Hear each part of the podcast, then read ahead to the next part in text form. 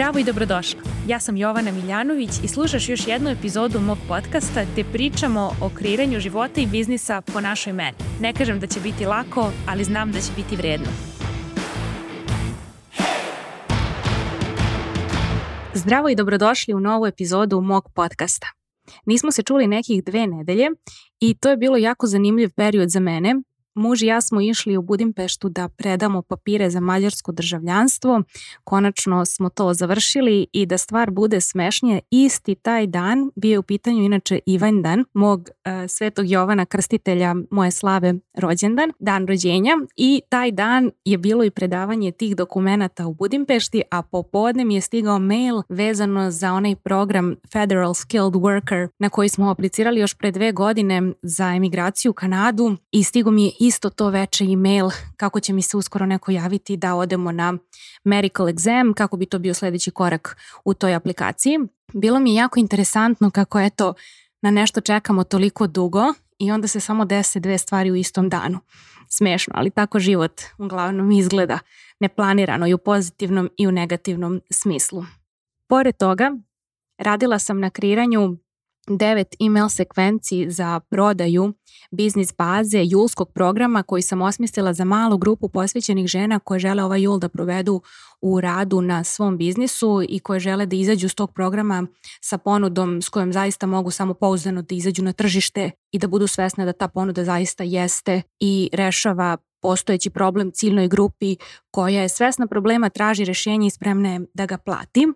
Na tome će raditi sa mnom u periodu od četiri nedelje. Već su im stigli materijali, video lekcije, PDF, a pored toga imaju tri Zoom poziva uživo sa mnom gde će doći da mi postavljaju pitanja i da dobiju feedback. To pisanje mailova e, dosta zahteva fokusa i energije i zato nisam toliko bila aktivna na podcastu jer sam svu svoju pažnju usmerila ka tome kako bih zaista privukla najbolje klijente za tu ponudu Pored slanja tih mailova morala sam naravno da pripremim i materijale, video lekcije i sve ostalo što sam ženama poslala, tako da je to bio razlog što me niste čuli prethodne dve nedelje na ovom podcastu.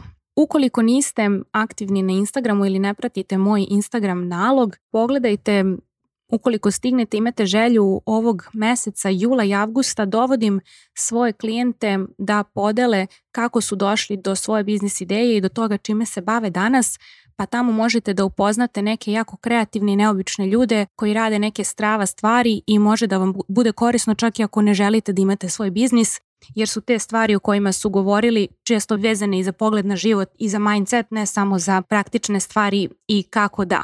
U današnjoj epizodi želim da pričam o kreiranju vrednosti.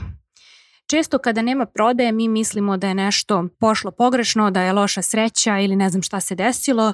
Međutim, kada počnemo da posmatramo manjak prodaje ili manjak rezultata merljiv u novcu jer biznis je tu da pravi pare, za razliku od hobija koji je tu samo da nam bude zabavno. Tako da kada nema prodaje u biznisu, to je znak da nismo kreirali dovoljno vrednosti. Kako mi kreiramo našu vrednost. Svako od nas je kreira na način na koji mu najviše prija.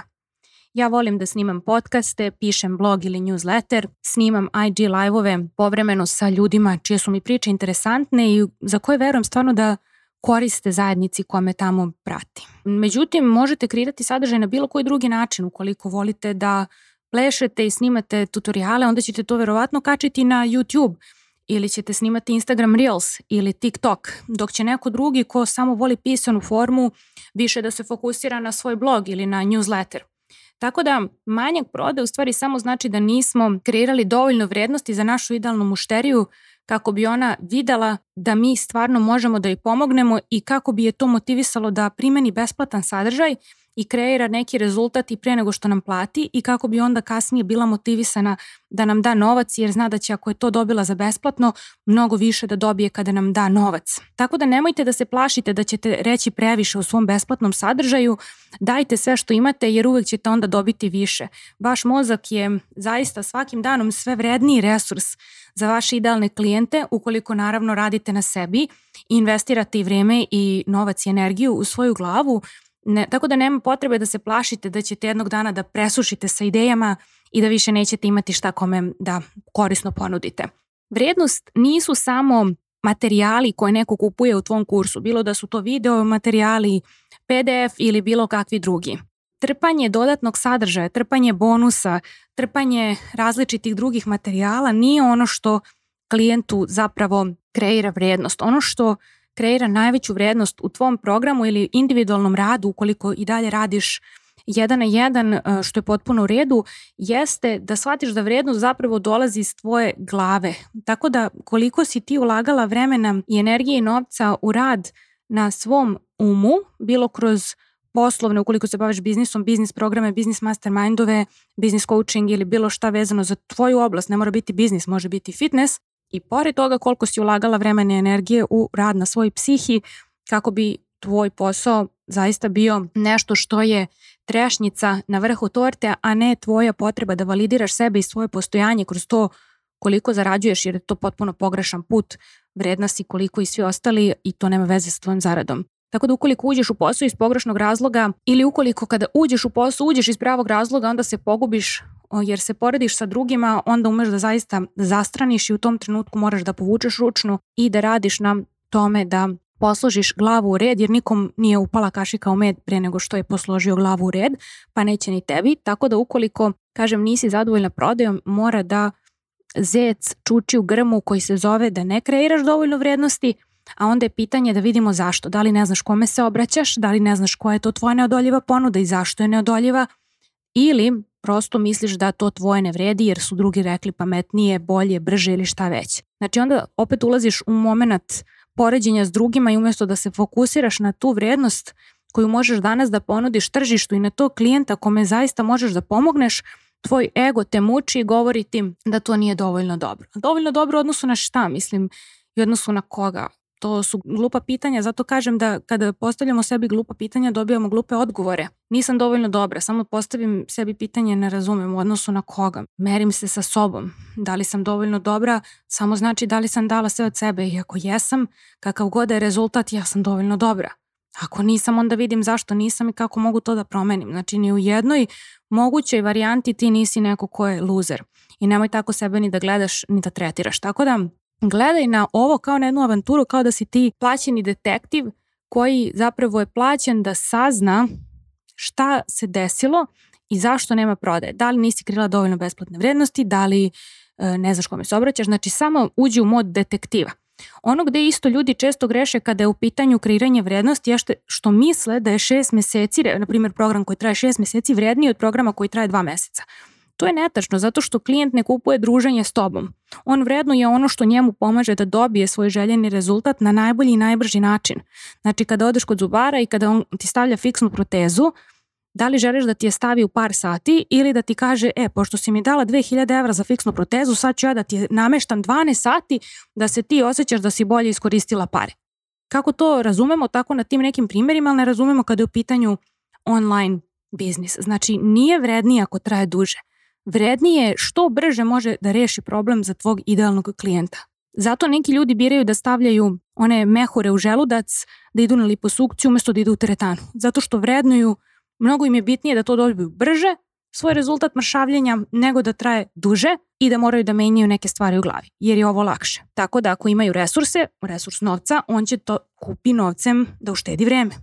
Jedino vreme koje zapravo naš klijent gleda kada bira da radi sa nama jeste ono vrijeme koje smo mu uštedeli da ne lupa glavom o zid i da ne mora sam da kopa na putu do tog rezultata koji kupuje od nas. Znači, ne može kupiti rezultat, mi nismo maksi pa da kupiš čips, ali na putu do rezultata proces, odnosno podršku na putu pored tog procesa koji kupuje, odnosno tvoje metodologije, tvog jedinstvenog načina da ga dovedeš od tačke A do tačke B, on kupuje zapravo podršku na putu i dobru navigaciju. Tako ja to makar doživljavam, možda nekom koristi, a ako ne, svakako ćete naći svoj način da sebi to objasnite. Ono što je isto interesantno kada vratimo odgovornost u svoje ruke i kada kažemo sebi da je stvarno stanje u našem biznisu i stanje na našem računu uvek zapravo ogledalo stanja u našem umu, onda možemo da vratimo odgovornost u svoje ruke i kažem da čim identifikujemo problem i uzrok problema mi možemo da radimo na rešenju tog problema. I zato je mnogo važno da se što više puta osvestimo i vidimo, hm, ok, ako nisam zadovoljna, daj da vidim do čega i da onda napadnem i rešim taj problem u svojoj glavi, jer svi problemi većinom dolaze iz naše glave i pošto smo iz naše glave i stvorili, razmišljanjem te probleme možemo iz naše glave i razmišljanjem da rešimo te probleme. Tako da kako ti možeš da povećaš vrednost kao asistent, recimo ako radiš taj posao? Kako možeš da povećaš svoju vrednost kao trener? Kako možeš da povećaš svoju vrednost kao mentor. Znači ne pričamo o vrednosti kao ljudskog bića, nego o tvojoj poslovnoj vrednosti. Ukoliko si biznis, osoba koja pomaže ljudima za biznis, recimo biznis mentor, kako možeš da pomogneš svojim klijentima da manje puta moraju da udare glavom u zid nego što si ti da dođu do svog rezultata. Jer tvoja vrednost kao biznis mentora zavisi od toga koja je tvoja sposobnost da pomogneš klijentu da sam kreira rezultat po koji je došao.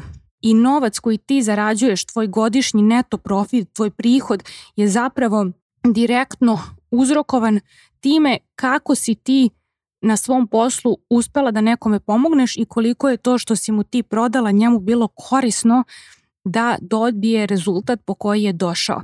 Naravno, besplatan sadržaj je idealan način da ti kao kada odeš u neku tržni centar pa ti neko da da probaš neku hranu i onda ti uzmeš probaš i ako ti se svidi kupiš veliko pakovanje novog ukusa, ne znam, čokoladnog mleka ili čega god.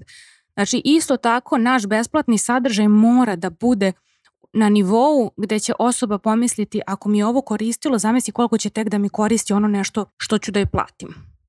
Načini na koje ja kreiram besplatnu vrednost su se menjali od kad sam u ovom poslu. 2011. godine uglavnom su bili blog i newsletter. Kasnije sam kreirala vrednost na svojoj Facebook strani, na Instagramu kroz live-ove, storije i postove.